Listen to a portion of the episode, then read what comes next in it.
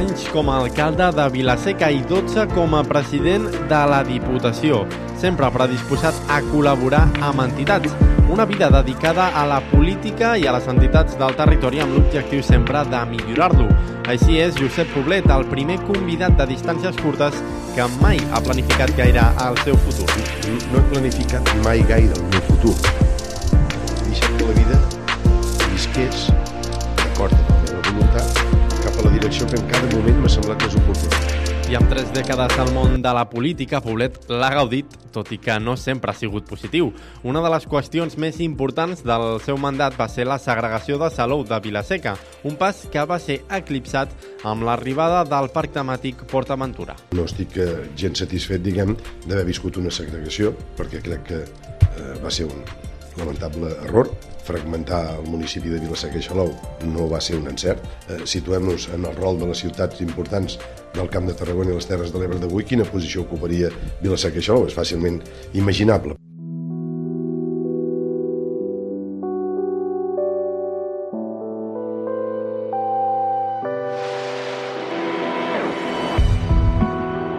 Això sí, l'exalcalde ha tingut coses molt positives per a ell. Creu que el millor que va aconseguir va ser convertir Vilaseca en ciutat universitària.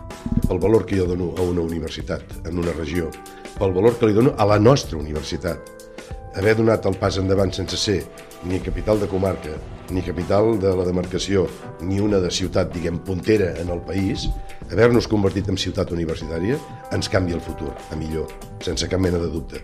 Ja està clar que una persona tan vinculada a la política no podia caminar d'esquenes al territori. Poblet es manté en contacte amb els projectes de futur que té el Camp de Tarragona, com és el cas del Hard Rock o, per exemple, l'àrea metropolitana.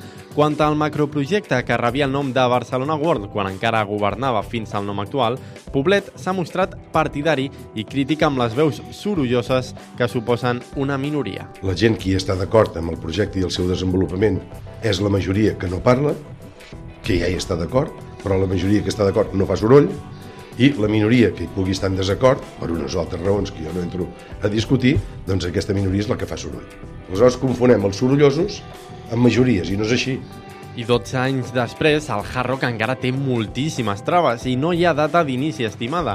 Això sí, Poblet espera que qui agafi les regnes del macroprojecte i el relleu del Port Aventura tinguin tan bona visió de negoci com els propietaris actuals del parc temàtic.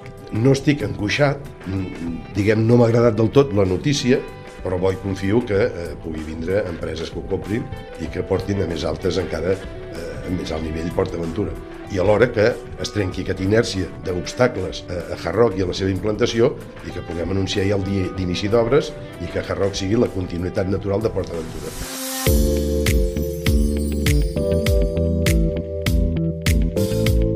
Parlant d'altres projectes que podrien millorar el camp de Tarragona, Poblet ha defensat la creació de l'àrea metropolitana per la importància de la regió dins de Catalunya. Tot i això, l'expresident de la Diputació afirma que és un canvi que ens hauria de fer pensar en plural i no amb l'objectiu de ser la segona àrea de Catalunya. Jo crec que tenim les condicions per ser-hi, però no hi som perquè no s'ha fet res de tot això. No venim d'una situació de desgovern territorial. Venim d'una situació que hem crescut tots, ens interrelacionem molt més, ens connectem molt més i descobrim que junts podríem fer coses molt més interessants. Per tant, partim de realitats diferents. Si li volem dir ara metropolitana, diem-li, no em sap cap greu, però articulem-la sobre la base del que som, no sobre la base del que han sigut altres. Del que també parla és del projecte de la Sabinosa, un projecte que es va votar per majoria a la Diputació de Tarragona. Aquí, Poblet ha estat crític amb el canvi de posició del ja exalcalde de Tarragona, Pau Ricomà, qui va votar a favor de crear un establiment turístic a l'espai quan era diputat a la Diputació i any i mig després, amb Ricomà ja amb la vara d'alcalde, l'Ajuntament de Tarragona va rebutjar la modificació pels terrenys. Així ho qualifica Josep Poblet. Vaig marxar contrariat amb els que havien eh, m'havien barrat. Eh, no. es vota per una amplíssima majoria. O sigui, tots els diputats menys un. Es porta a l'Ajuntament se constitueix el nou govern de la ciutat de Tarragona i al cap d'uns mesos tomben primer el projecte de la Sabinosa que el mateix alcalde que l'havia votat com a diputat.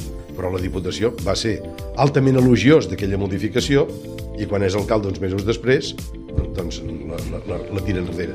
Després se suspèn el Pla General de Tarragona per la sentència ja coneguda.